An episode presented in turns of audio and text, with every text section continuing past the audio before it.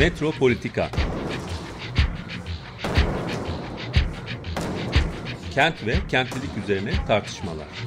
Ben oraya gittiğim zaman balık balık balık balık tutabiliyordum mesela.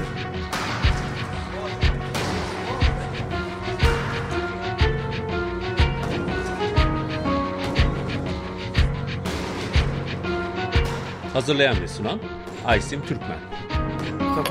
Kolay kolay boşaltamadı. Yani elektrikçiler terk etmedi Perşembe Pazarı merkezini.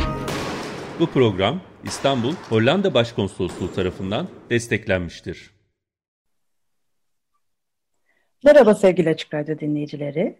Ee, Bugün e, kentlerin e, yurttaşlığı, kent yurttaşlığı üzerine konuşacağız. Siyasal olanın e, kentsel boyutunu tartışacağız. Ve bunu da e, Latin Amerika kentlerinden başlayarak ba- konuşacağız. Daha sonra Türkiye'ye geleceğiz. Daha önce e, programda e, kentsel yurttaşlığı konuşmuş olduğumuz Mert Arslanat bizlerle. Hoş geldin Mert. Merhabalar. Çok Ee, teşekkür ederim Mert- davet ettiğiniz için. Ee, Boğaziçi Üniversitesi Politika Bölümü öğretim üyesi ve e, doktora tezi e, Türkiye'deki kentler e, ve e, Latin Amerika'daki kentler üzerine.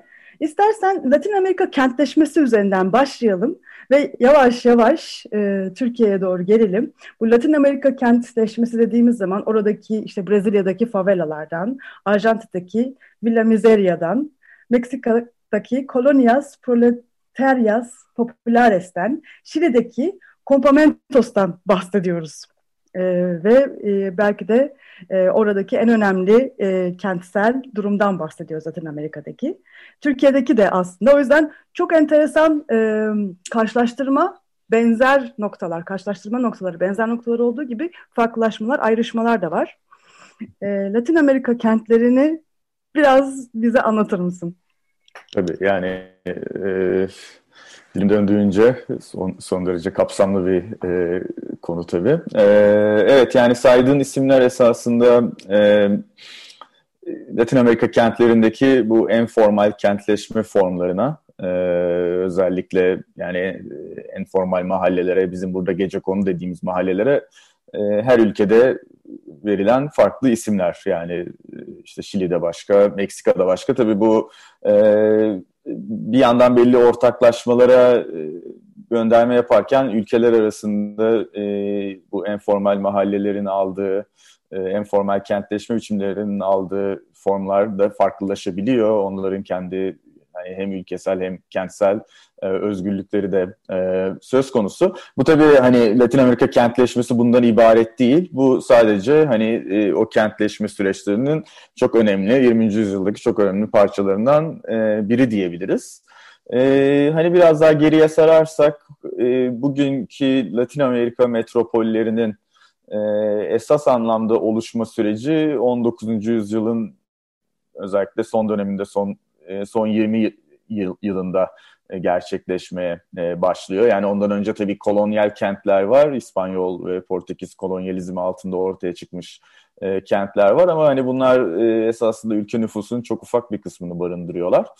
Gerçek anlamda bunların metropole dönmeye başlaması 19. yüzyılda özellikle İngiltere'nin o serbest ticaret rejimine Latin Amerika'nın entegre olmasıyla birlikte e, başlıyor ve buralar hani önemli ticari merkezler olarak e, özellikle işte e, tarım ürünlerinin ve e, hani madenlerin e, ihracına dayalı onu onu gerçekleştiren ticari merkezler olarak e, büyümeye başlıyorlar.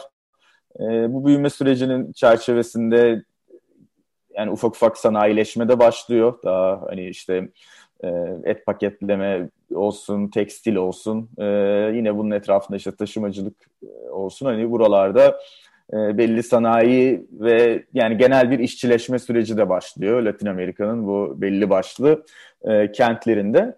Bu dönem aynı zamanda buraların böyle bir şimdi gittiğimizde de oraları ziyaret ettiğimizde de göreceğimiz özellikle kent merkezlerinin de oluşma süreci yani mimari anlamda mesela Avrupa'daki akımlardan etkileniyorlar.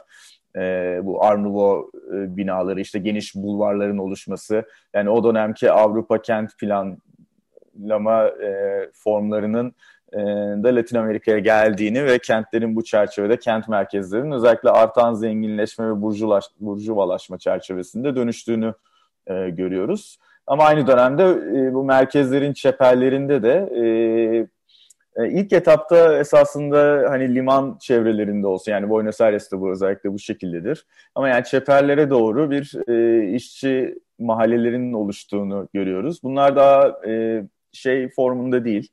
E, hani işte gece kondulaşma ya da e, dediğim gibi böyle bir e, bugünkü en formal e, kentleşme biçimlerini almış değil. E, daha çok hani esasında formal e, binalarda ama çok sıkışık işte ne bileyim bir e, dairede birden fazla ailenin yaşadığı e, çok hani kötü şartlarda sıkışık dar yerlerde e, kiracı şeklinde e, olarak yaşıyorlar. E,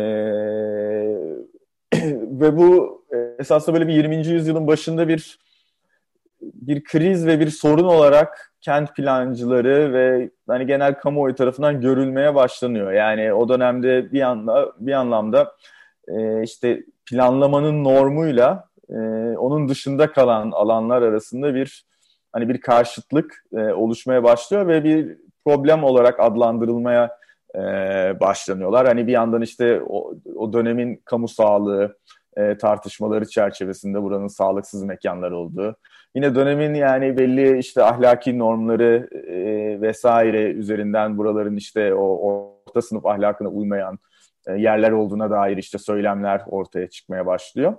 E, bir yandan da tabii şartlar kötü, derinleşiyor. Ekonominin özellikle kötüleştiği dönemlerle de üst üste bindiğinde buralarda belli protestoların falan da gerçekleşmeye başladığını görüyoruz. Mesela Arjantin'de anarşistlerin düzenlediği bir 1906 e, yılında bir kiracı eylemi var. Dolayısıyla böyle bir hani kriz mekanları gibi görülmeye başlanıyor hani buraların dönüştürülmesine dair söylemler de e, ortaya çıkmaya e, başlıyor. Aynı dönemde böyle bir toplu konut, sosyal konut tartışmaları e, belli Latin Amerika kentlerinde oluşmaya başlıyor. Ona dair belli girişimler görüyoruz. Aynı zamanda buralara yönelik mesela işte kent planlarına uymuyorlar, hijyen e, koşulları yeterli değil falan diyerekten mesela Rio'da e, yıkımlar e, yaşanıyor falan. E, bu ilk etabı, bu döneme oligarşik dönem de diyoruz. E, e, Latin Amerika'nın oligarşik dönemi. Çünkü genelde e, özellikle ekonomik ve bir siyasal oligarşi tarafından yönetilen hani cumhuriyet formu ama demokratikleşmenin tam gerçekleşmediği e, hani hem yönetim biçimleri e, hem de onun etrafında kurulmuş bir ekonomik modelden söz edebiliriz. E, bu özellikle e, büyük buhranla birlikte krize giriyor. E, yani büyük buhranı yarattığı krizle birlikte bu model krize giriyor. Ee, özellikle dış piyasanın çökmesiyle birlikte e, tarım ürünlerinin değerinde çok ciddi bir çöküş e, başlıyor. Ve bu esasında farklı ekonomik ekonomi politik modellerin e, e, dair bir arayışı da başlatıyor e, Latin Amerika'da. E, zaten yani 29 sonrasında gördüğümüz süreç yani çok çalkantılı bir süreç. İşte belli yerlerde darbeler oluyor. Diğer yerlerde popülist hareketler e, iktidara gelmeye başlıyor. Hem orta sınıfların hem işçi sınıfının yer yer kırsal kesimlerin desteğini alaraktan. Mesela Peru bunlardan bir örnek. Hani APA geliyor orada. Arjantin'de işte e, darbeler dönemi üzerine Peron geliyor. E, kendisi de zaten bir önceki darbenin de parçası olmuş bir esasında asker. E, ama işçi sınıfın desteğini alaraktan yeni bir siyasal hareket oluşturaraktan iktidara geliyor. Ee, işte Brezilya'da Vargas dönemini görüyoruz falan ama yani bu yeni iktidarlarla birlikte yeni ekonomi politik politikaları da devreye sokulmaya başlıyor. Bunun merkezinde ithal ikamecilik yer alıyor. Dolayısıyla e, böyle bir yerli sanayiyi özellikle e, iç piyasası büyük olan e, Latin Amerika ülkelerinde e, hayata geçirilmeye başlandığını görüyoruz biz 30'lardan itibaren. E, bunun yarattığı yani bunun kente olan en büyük etkisi tabii e, yani bir yandan kırsalın ve o kırsal ürün ihracının çökmesiyle bir itici faktör ortaya çıkmış durumda kırsalda. Diğer yandan da e, sanayileşmeyle birlikte bir hani kentleri hani çeken bir faktör de var. Hani yeni istihdam alanları var. Dolayısıyla büyük bir göç dalgasını görüyoruz biz e, Latin Amerika'da. E, özellikle de İkinci Dünya Savaşı'nın ardından ve bu süreçte e, çok hızlı bir kentleşme e, sürecinden geçiyor. Yani tabii kentleşmeyi sadece böyle dar anlamıyla e, hani kentlerin nüfusunun artması olarak yorumlamamak lazım. Çok daha kompleks bir süreç ama e, hani buradan da baktığımız zaman bu göç dalgasıyla birlikte e, e, özellikle büyük metropoller yani metropollerin e, nüfusunun işte işte yılda bazen işte yüzde beş, yüzde altı e, büyüme oranlarıyla e, büyüdüğünü görüyoruz. E, ve yani Latin Amerika işte çoğunluğu kırsal bir toplumdan esasında 21. yüzyılın başına geldiğinde e, yanlış hatırlamıyorsam yüzde 76 hatta yüzde 78 civarında e, kentsel nüfusa sahip olan bir bölgeye dönüşüyor. Yani bu bunun büyük bir kısmı 20. yüzyılın ikinci yarısında gerçekleşiyor. E, bu çok büyük bir dönüşüm, çok hızlı bir dönüşüm. Bu dönüşümün dışa vurumlarından biri e, de esasında Latin Amerika'nın Latin Amerika kentlerinde ve özellikle hani metropollerinde, ana metropol alanlarında e, en formal e, kentleşme alanlarının artması. Yani artık o işte o işte eskiden Vecinidad, Conventillo falan dediğimiz bu demin anlattığım e, işçi konutlarından e, toprağın çoğu zaman da kamu toprağının e, işgali yoluyla e, ortaya çıkan e, hani bizim burada daha çok gece kondu diye adlandırdığımız e, mahallelerin e, oluşma süreci. Bunların bazılarının mülkiyeti olabiliyor ama işte planlara uymuyor, en formal olarak parselleniyor. Diğer yerlerde e, hem mülkiyet hem e, hani planlama mevzuatına uymuyor. Dolayısıyla tamamen en formal yani e, yasallıklar anlamında çok farklı formlar alıyor ve yıllar içerisinde daha da kompleksleşiyor tabii bu süreç ama e, bu türden alanların genişlediğini ve hani bu genişleme belli kentlerde yani mesela Mexico City gibi, Lima gibi e, yerlerde neredeyse kent nüfusunun %50'sini bulan, e, barındıran yerlere dönüşüyor. O anlamda da böyle e, hani neredeyse işçi sınıfıyla da tamamen sınırlı değil. O genişleyen işçi sınıfının yanı sıra esasında orta sınıflar, alt orta sınıfların bir kısmını da barındırıyor. E, heterojen yerlere dönüşüyor ama şeye de dikkat çekmek lazım. Yani bu kentten kente farklılaşıyor. Mesela Buenos Aires'te bu şekilde gerçekleşmiyor. E, Buenos Aires'te daha e, sınırlı bir kesimi e, barındırıyor. Onun da nedenlerinden biri biraz da e, ülkelerin devreye soktuğu sosyal politikalar ve esasında e, toprak politikaları. Yani mesela Peron'un yaptığı şeylerden biri hani hem bir yandan bir erken daha bu kentleşme süreci başlarken sosyal konut üretimini başlatıyor. E, ama daha önemlisi e, toprağa, toprak mülkiyetine formal erişimi e, yani ucuz e, erişilebilir kılıyor. E, yine ortaya çıkan mahalleler altyapı anlamında çok yetersiz. E, konut standartları anlamında yetersiz ama toprağın kendisi e, hani üzerinde bir mülkiyet e, söz konusu. Dolayısıyla orada mesela gece kondulaşmanın yani tam anlamıyla informallik anlamında ve böyle bir toprak işgali anlamında şeyi e, kapsamı daha sınırlı oluyor. E, ve hani tam anlamıyla işçi sınıfının konut örüntüsüne tekabül etmiyor esasında. Ee, hani bunun da sonuçları var bu tür bir ayrışmanın. Ee, başka yerlere nazaran yani onları da birazdan konuşuruz belki. Ee, genel hatlarıyla böyle.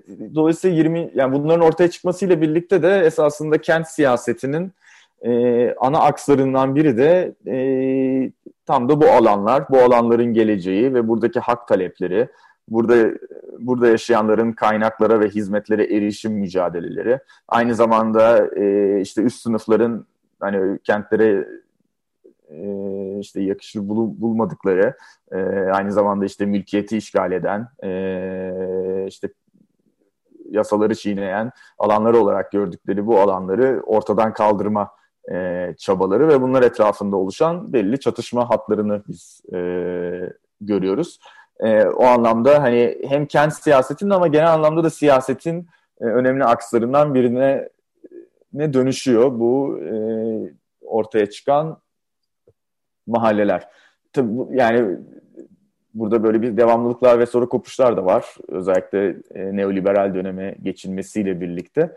E, ama istersen durayım burada. Hani ya, biraz e, şey yani tabii şimdi e, Türkiye ile olan e, benzerlikleri ben hemen e, hani düşünüyorum. hani bahsettiğim gibi hani İtalikameci e, dönemden sonra o, oluşan göç ve ondan sonra bu e, endüstrileşme ile birlikte hızlı kentleşme ve e, hani bu işçi konutlarından gece kondu mahallelerine geçiş e, aşamaları çok benzer aslında Türkiye'deki e, kentleşme süreçleriyle. E, dönemsel olarak belki biraz fark vardır ama e, dönemsel olarak da benziyor diyebiliriz. E, şimdi buradaki e, şey yani tabii her kentten gene bahsetmiyoruz, her ülkeden de bahsetmiyoruz. Koskoca Latin Amerika'dan bahsediyoruz ama Latin Amerika'da farklı olan sanırım bu hak mücadeleleri yani bu özellikle kent yoksullarının barınma mücadelelerinin içinde hak mücadelelerinin farklı yapılar oluşturmaya başlamış olması, farklı örnekler göstermesi. Türkiye'de fazla yani bu mücadeleleri görmemize rağmen bu haka yani yurttaşlık gibi bir şey düşünmemize yol açacak şeyi oluşturmamış olması.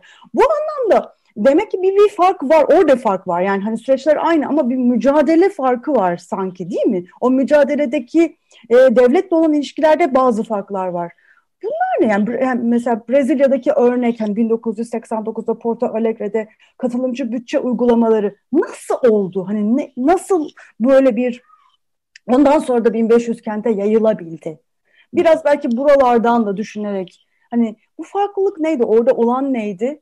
Nasıl bu, hani bunlar kazanımlara, kentsel hak kazanımlarına dönüşebildi?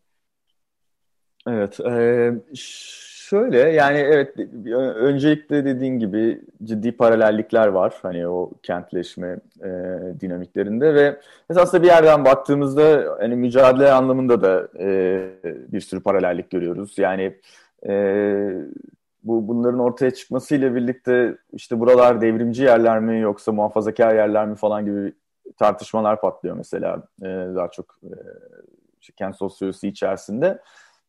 Hani verilen cevaplardan biri esasında daha alana dair çalışmalarda hani ne o ne o hani çoğu yerde çok son derece pragmatik mücadeleler. İçerisinde hani e, devletle ve siyasi elitlerle klientelistik ilişkilere girerekten e, kaynak koparma çabaları olduğu gibi işte yer yer toplumsal hareketlere ve çatışmacı süreçlere e, evrilen hallerde görüyoruz. Bunları esasında hani izini Türkiye'de de sürmek mümkün. E, işte 50'lerden e, e, itibaren.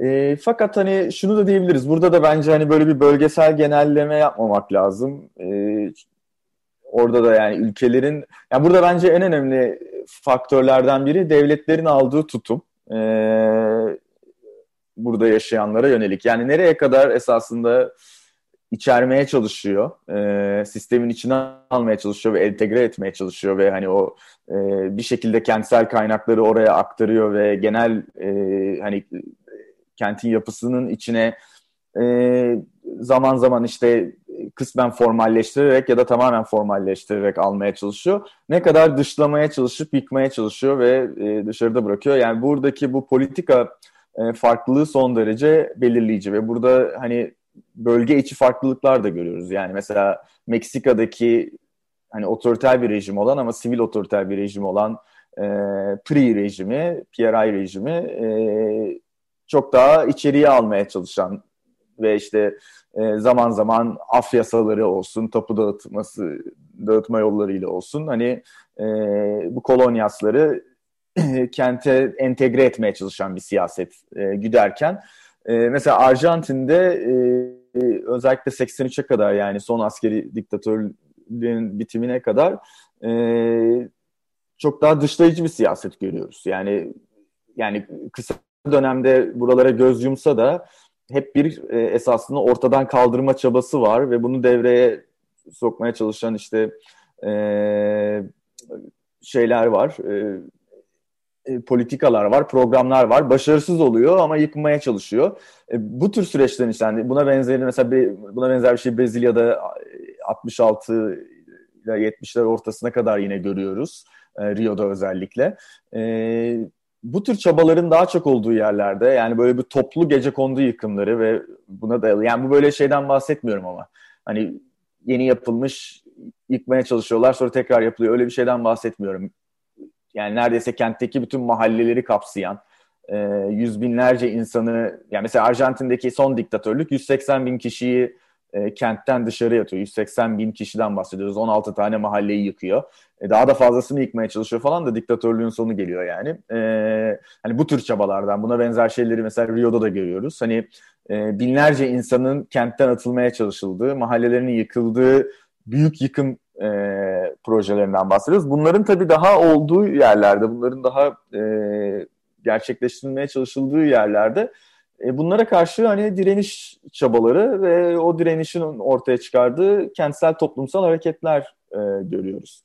E, yine yani kaynak aktarımının ne kadar olduğu önemli, hizmetlerin ne kadar getirildiği önemli. Onların daha e, zayıf olduğu yerlerde yine toplumsal hareketler biçiminde buralara erişmeye e, çalışılıyor. Dolayısıyla işin bir böyle bir boyutu var. Türkiye'deki farklılık bence Türkiye'de yani çok erken bir dönemden itibaren yani galiba ilk af e, İnönü döneminde e, 48'deydi e, ya da 49'daydı. E, önce Ankara'da ilan ediliyor sonra İstanbul'da da içinde çıkarılıyor.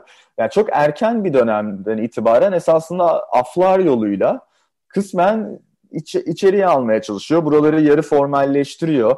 Ee, bazı yerlerde işte tapu dağıtıyor. Ee, ne bileyim mahalle statüsü veriyor.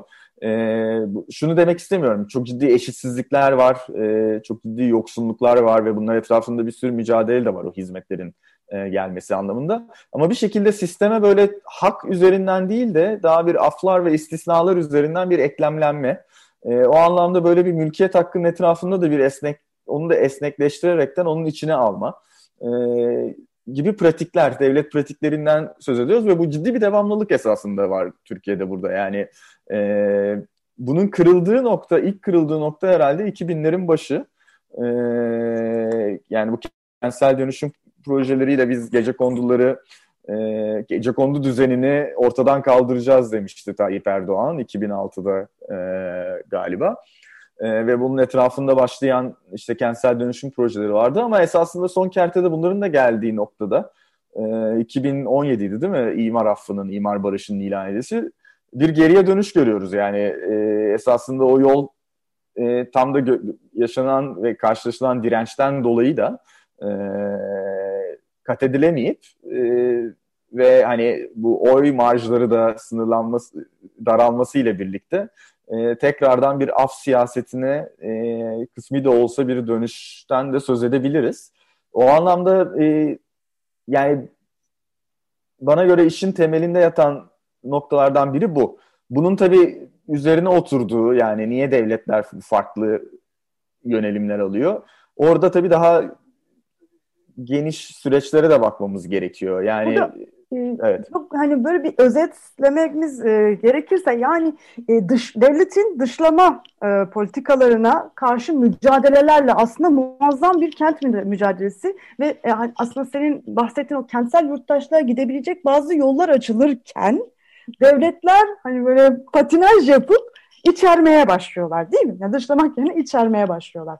E, burada da e, bu sefer e, o yani e, haklarımız yerine e, mülkiyetlerimiz olabiliyor. Yani hep böyle hak gene mülkiyeti aslında tercih eden başka böyle bir oyun devam ede geliyor.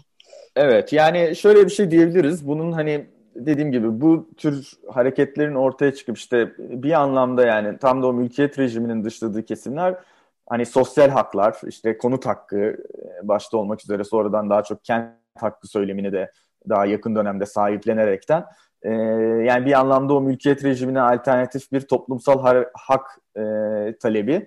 E, ve yer yer hani özellikle de siyasal alanda tabii açılımlar olduğu noktada e, bu işte ne bileyim e, bazı yerlerde mesela Buenos Aires'teki önemli noktalardan biri desantilizasyon, ademi merkeziyetçi e, belli e, kurumsal düzenlemelerle birlikte e, yerelde böyle bir alanın açılmasıyla e, Brezilya'da demokratikleşme sürecinde yeni bir anayasa yapım sürecinde mesela e, ona dahil olaraktan e, sonradan da mesela hani Brezilya'da işte sol e, işçi partisinin yerelde ve ulusalda iktidara gelmesiyle falan yani bunların yarattığı siyasal fırsatları da değerlendirerekten o hak taleplerinin yasa re, yasal reformlara dönüştüğünü e, görüyoruz.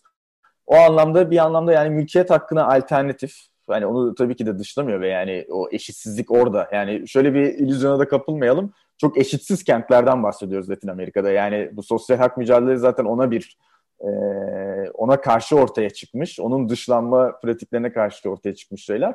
Ve hani kazanımları ne olursa olsun o eşitsiz yapıyı kırmış falan değil. O hala orada. Dolayısıyla yani burada böyle belli reformlar var.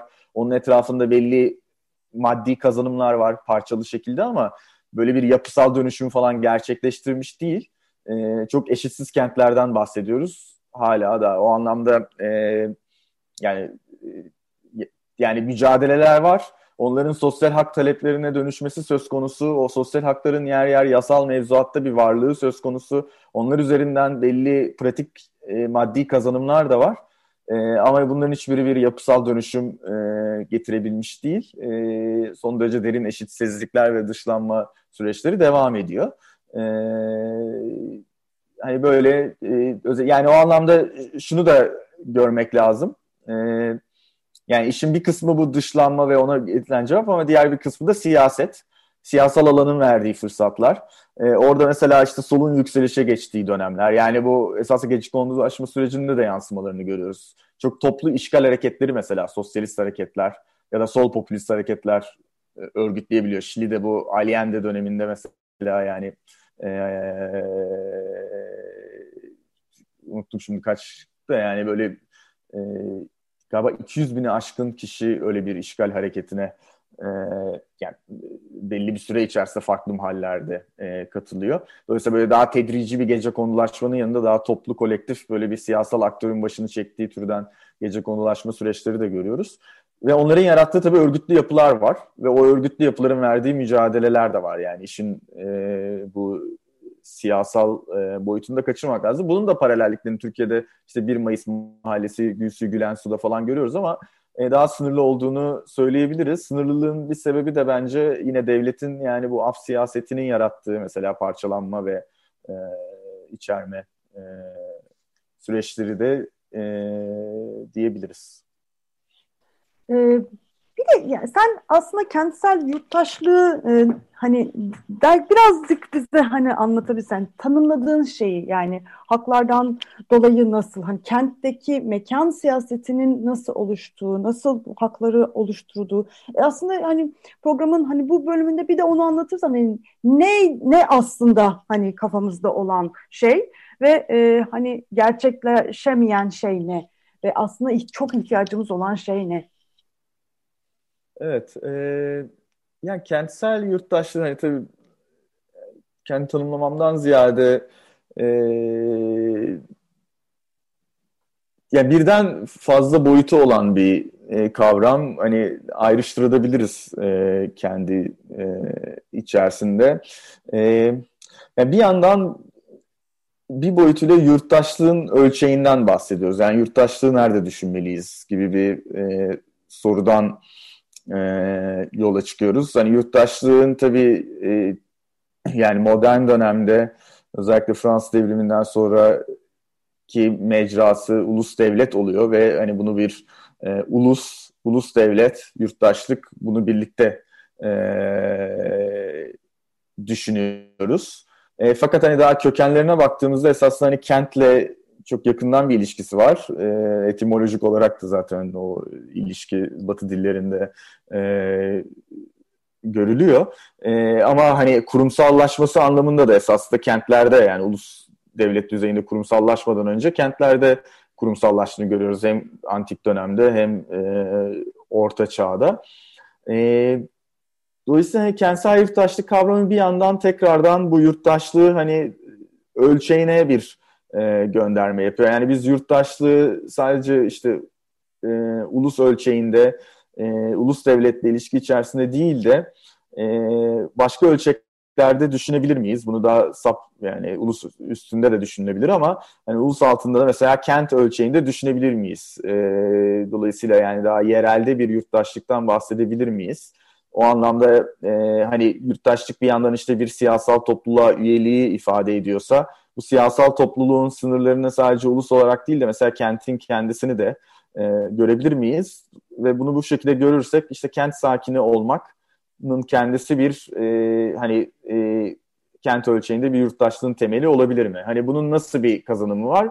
E, hani bunun üzerine yazanların söylediği şeylerden biri e, özellikle e, büyük metropollerin küreselleşme döneminde de aldığı e, kompozisyonla birlikte e, birçok kentte esasında ulusal düzeyde yurttaş olmayan topluluklar, göçmen toplulukları e, bulunuyor. Dolayısıyla sa kent sakinliği üzerinden düşünülen bir işte kent yurttaşlığı kavramı e, ulus ulus yani ulus ölçeğinde yurttaşlıktan dışlanan kesimleri de e, içerebilecek bir e, kavramsal siyasal çerçeve çizebilir e, deniyor. Aynı zamanda kentler tabii hani e, e, işte etnik olarak, dinsel olarak çok çoğulcu mekanlar, çok heterojen yerler. Dolayısıyla yurttaşlık üzerinden düşünmek ve kent yurttaşlığı üzerinden düşünmek biraz da yani o ulus ulusal yurttaşlığın homojenleştirici e, etkisini, onun çizdiği sınırları aşıp e, yine bu çoğulculuğu yaşatacak bir işte siyasal öznellik ve onun kurumsal çerçevesini çizebilir mi gibi e, tartışmalar var. Bir de şey yani yani ne olursa olsun ulus ölçeği diye baktığımızda daha soyut bir ölçekten bahsediyoruz aslında. Hı hı. Yani gündelik hayatımızda e, yani e, o soyutlukta ancak algılayabildiğimiz bir şey. Ama kent dediğimiz zaman yani daha gündelik hayatın materyal olanla daha çok ilişkide başka türlü bir şeyden bahsediyoruz. Yani her gün yaşadığımız o şey yani siyaseti de aslında o anlamda somutlaştıran bir şey kent yurttaşlığı dediğin zaman. Bir de şöyle bir şey de düşündüm. Yani şimdi mesela Türk kediler falan dediğimiz zaman hani anladın mı? İnsan olmayan hani Türkiye'li ağaçlar falan dediğimiz zaman çok da anlamlı olmuyor ama İstanbul kedileri diyebiliyoruz mesela. İstanbul sokak köpekleri diyebiliyoruz. Yani burada mesela hani insan olmayan e, üzerinden de artık düşünülüyor. Hani bütün e, öznelik e, artık hani hatta işte canlı olmayanlar üzerinden bile özneler, özneler düşünmeye başladığı bu noktada aslında hani kent kent üzerinden siyasete bakmak çok daha kapsayıcı, çok daha geniş bir alan açıyor. Öyle değil mi?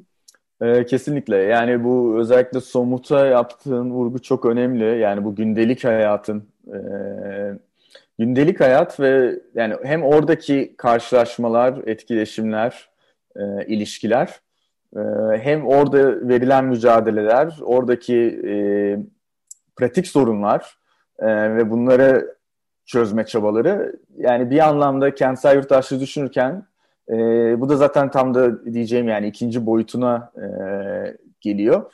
Bir ölçekten ziyade tam da yani yurttaşlığın meselesi ne olacak? Yani e, burada da meselesi derken yurttaşlık dediğimiz kavram bir yanıyla işte haklara ve sorumluluklara bir e, gönderme var. Dolayısıyla o hakların konusu ne olacak? Hangi konularda haklar istiyoruz? E, kent yurttaşlığının e, gönderme yaptığı noktalardan biri e, tam da yani bu senin sözünü ettiğin işte o kentteki gündelik hayatta mesele ettiğimiz konuları haklar üzerinden düşünmek. Bunları kent kentsel hakların meselesi haline getirmek. E, yurttaşlık haklarını da bu somut meselelerle ilişkilendirmek esasında bir buna referans veriyor. Bir, yan, bir yandan da hani yurttaşlığın diğer bir boyutu siyasal katılımsa e, siyasete katılmaksa yine yani hangi konuda katılacağız siyasete? Tam da işte yani bu kent yurttaşlığının dediği şeylerden biri e, ya da bu kavramın kapsamaya çalıştığı noktalardan biri bu kent meseleleri gündelik son derece somut e, yani hem insanlar arası hem kentin doğası ekolojisiyle e, işte ne bileyim bugün değil mi şu anda işte Kanal e, İstanbul için e, dilekçe veriliyor değil mi şu anda bunu engellenmesi? Bu mesela yani kentin ekolojisiyle ilgili bir e, yurttaşlık pratiğinden bahsediyoruz burada. E, bunun gibi yani esasında siyasal katılımının da çeşitlenmesi ve onun yöneliminin de kent meseleleri olması ve bu meseleleri de bir anlamda haklar üzerinden düşünmek.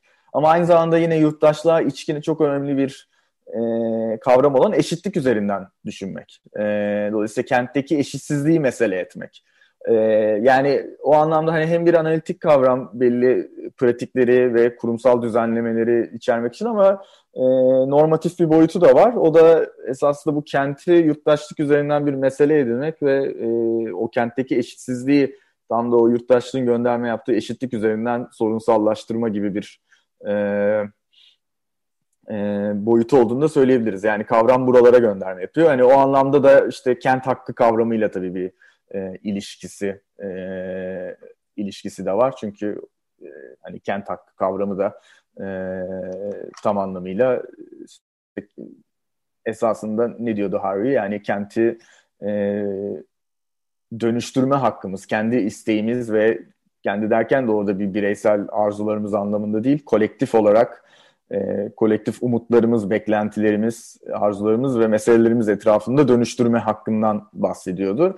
Hani hani bu, bu bir yandan böyle e, esasında çok radikal bir göndermesi var. E, çünkü sermayenin ve devletin e, şekillendirdiği kentsel mekanı esasında sıradan insanlar, kentte yaşayanlar, tam da o tepeden pratiklerden dışlanan insanlar nasıl kendi arzuları, umutları, beklentileri, e, istekleri çerçevesinde dönüştürebilir e, gibi e, o anlamda hani e, antikapitalist, postkapitalist diyebileceğimiz e, bir e, muhtevası da var e, diyebiliriz. Evet, bir kısa müzik arası e, verelim istersen. E, Mert Arslanalp ile olan e, kent yurttaşlığı üzerine olan program devam ediyor. E, parçamız Lezama. 34 Punyaladas'tan dinliyoruz. Bombay BSAS albümünden.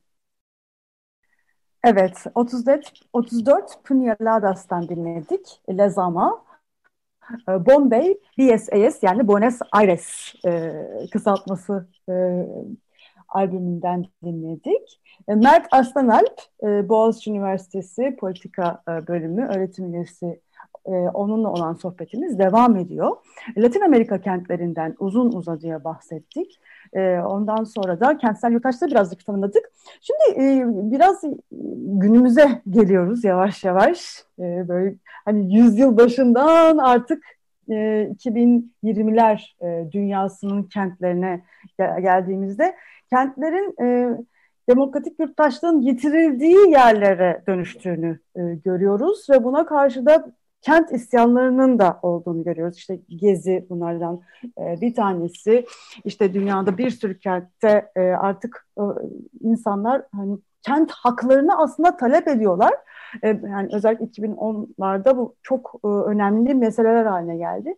Ancak e, gitgide de e, 2020'lerin dünyasında bu haklarımızın da elin, elimizden olanların da gittiğini, hani kent hakkı dediğimiz şeyin gitgide elimizden alındığını, olağanüstü hallerle, olağanüstü hal uygulamalarıyla e, sürekli bir hak kaybına uğradığımızı ve pandemi sürecinin de e, tuz biber ektiğini görüyoruz. Yani artık hani e, ne gün, hangi gün, nasıl sokağa çıkacağız, çıkamayacağız, hani buralarla ilgili elimizde yani tamamen e, e, inisiyatifimizin kalmadığı bir a, a, noktaya geldik. Bütün dünyada böyle. Alman arkadaşlarımla konuştuğumda da ne oluyor, ne yapacağız, yarın yarın ne olacak, bir ay sonra nasıl ya, kentte ya da gündelik hayatımızda yaşayabileceğiz? Bununla ilgili e, belirsizlikler hakim. Tam da bu noktada işte bu e, yani olağanüstü hal uygulamaları e, yeni yeni yeni şekilde uygulanan olağanüstü hal e, uygulamaları üzerine sen çalışıyorsun. Biraz da buralardan bahsedebilir miyiz? E, tabii yani şimdi bir yandan yani dediğin gibi hakların yitirildiği süreçlerden e, geçiliyor e, birçok yerde. Yani pandemi konusu da bir daha açıkçası çetrefilli bir konu. Orada mesela belli hakların askıya alınması, hakların yitirilmesi mi yoksa tam da başka hakların korunması mı? Yani tam da birilerinin mesela çalışmak zorunda bırakılması bana esas büyük hak yitimi gibi geliyor. Çünkü e, sağlığınızdan ve canınızdan olabiliyorsunuz e, çalışmak zorunda e, bırakılaraktan. E, dolayısıyla hani bu olağanüstü tartışmasının daha da karmaşık karmaşıklaştıran bir konu e, pandemi konusu ama e, şeyden bahsedebiliriz. Yani sadece haklar yani bu neoliberal dönemin yarattığı şeylerden biri çok e, çatışmacı bir ortamın ortaya çıkması ve bir yandan hani dediğin gibi hak mücadelelerinin esasında artarak işte yükselerek bazen çok geniş toplumsal kesimleri çerçevesine alaraktan bu e, isyanlar bağlamında e, güç kazandığını görüyoruz. Ama diğer yandan da aynı dönemde e, işte mesela güvenlikleştirme politikalarının kentlerde gitgide yaygınlaştığını e, görüyoruz.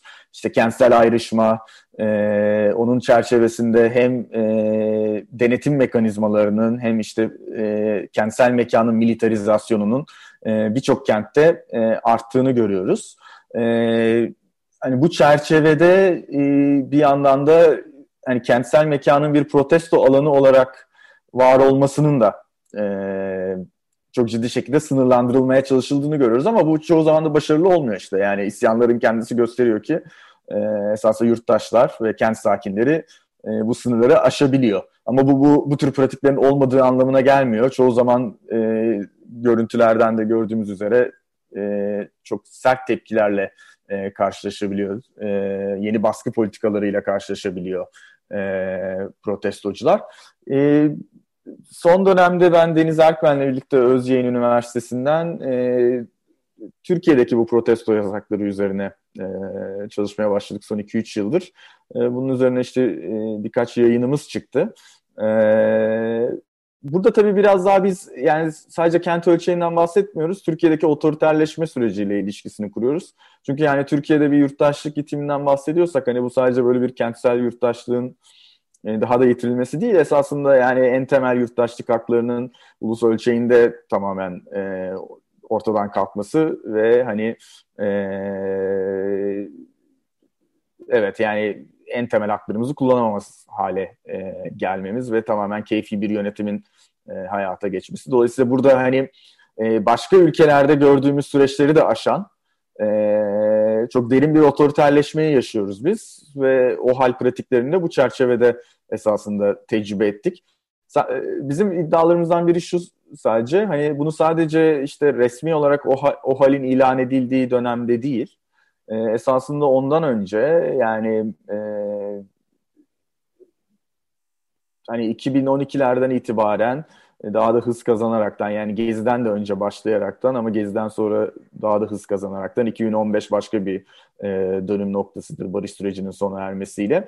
E, temel haklardan biri olan protesto hakkının e, doğrudan böyle bir ulusal ölçekte işte bir karar yoluyla değil, yerelde kaymakamlar ve valiler yoluyla e, onların aldığı çok geçici idari kararlarla e, bazen işte bir protestoyu hedefleyen kararlarla, bazen işte bir hafta protestoları ilde yasaklayan kararlarla böyle bir parçalı şekilde e, askıya alındığını, dolayısıyla daha o hale gelinmeden önce bu tür e, bu temel haklar hakların e, bu tür daha parçalı, daha esnek bir yönetim stratejisiyle e, sınırlandırıldığını e, görüyoruz.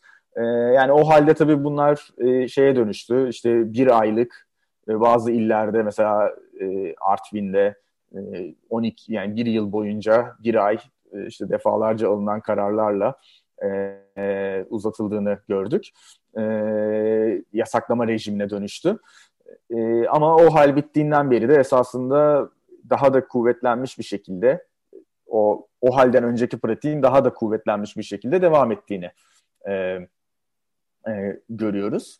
E, yani bunun en işte mesela Boğaziçi protestoları çerçevesinde mesela e, gördük. Hani biz burada biliyorsunuz e, artık 4 ay oldu neredeyse. E, rektörlük atamasına karşı e, hem işte üniversitedeki öğretim üyeleri ve akademisyenler olarak hem öğrenciler e, bir direniş gerçekleştiriyor. Ve bunun çerçevesinde mesela daha protestolar başlamasından işte bir iki gün sonra bütün bu kampüsün etrafının e, barikatlarla ablukaya alındığını gördük. E, Beşiktaş ve şeyde e, Sarıyer'de protesto yasağı ilan edildi pandemi sebebiyle. E, pandemi bahanesiyle bu protesto yasağı ilan edildi. E, fakat mesela aynı dönemde Beyazıt önünde e, iktidara yakın kesimlerin e, protesto yapmasına da e, izin verildi.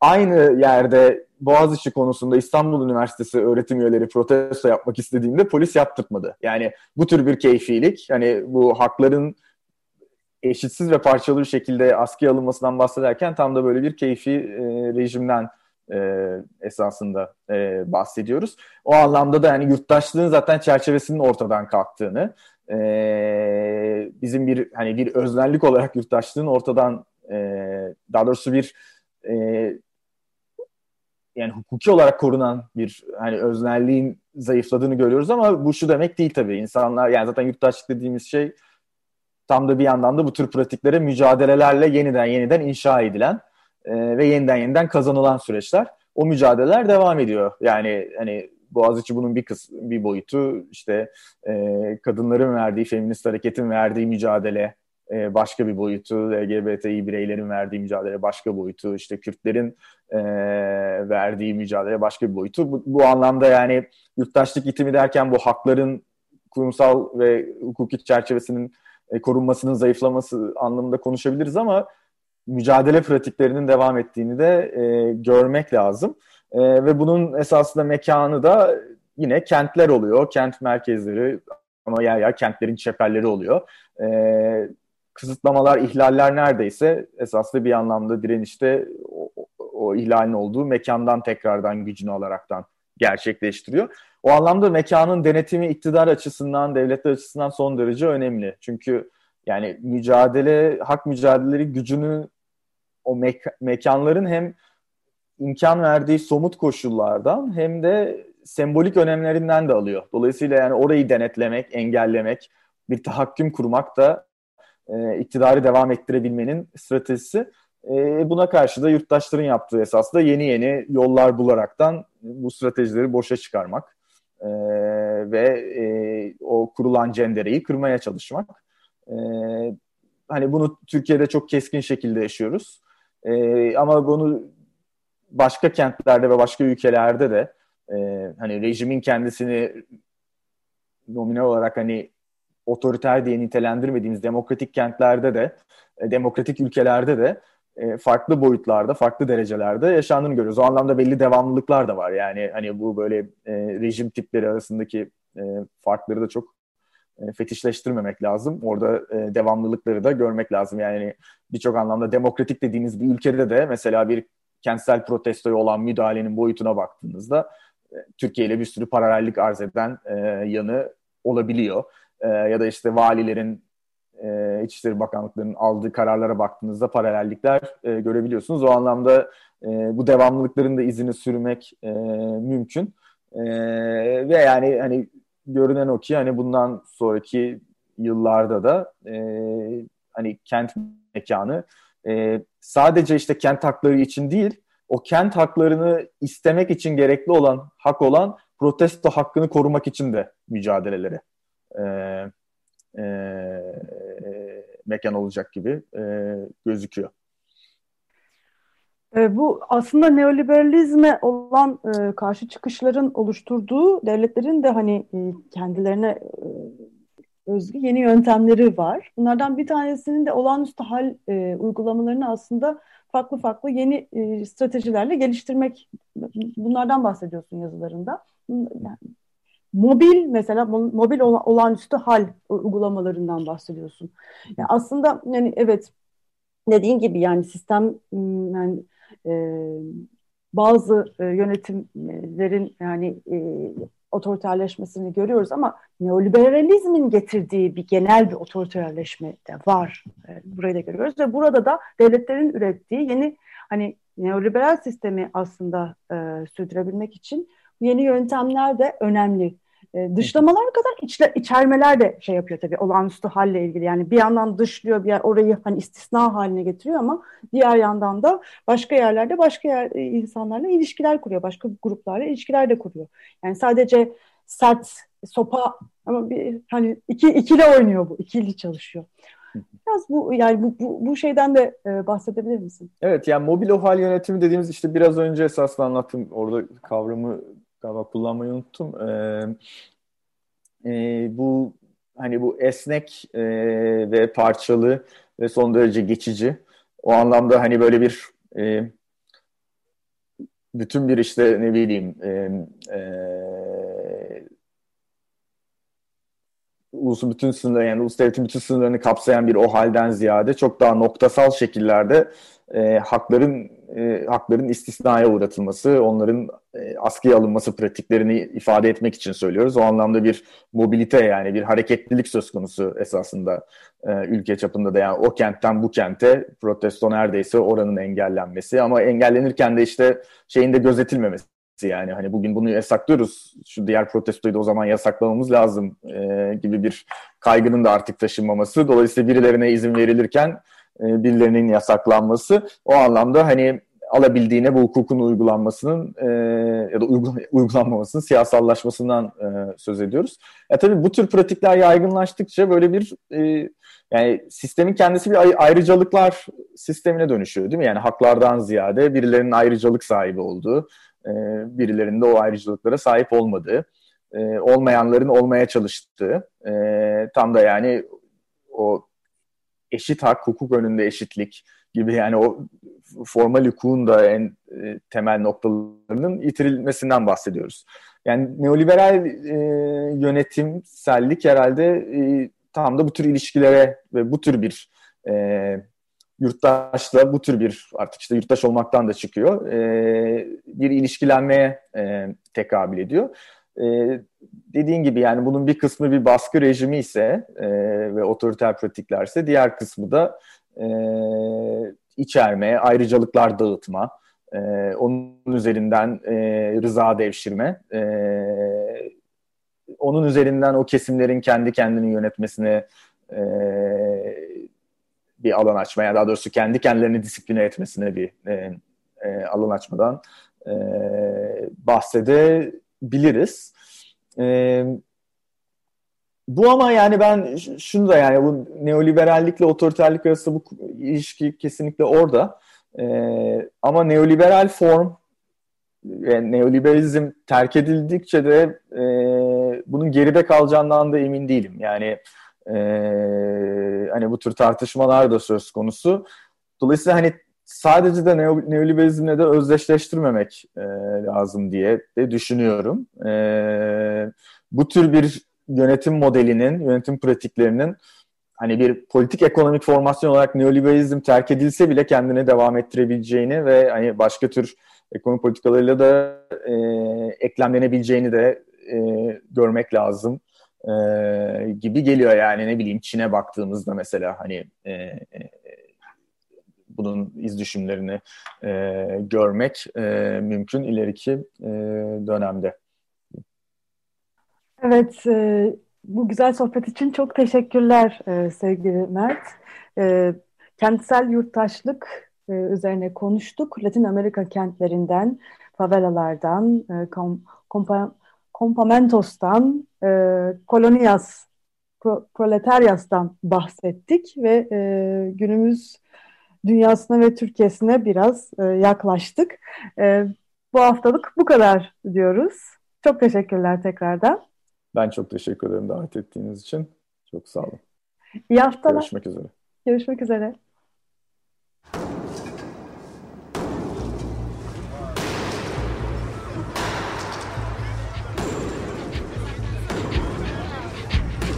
Metropolitika Kent ve kentlilik üzerine tartışmalar. Ben oraya gittiğim zaman balık, balık, balık, balık tutabiliyordum mesela.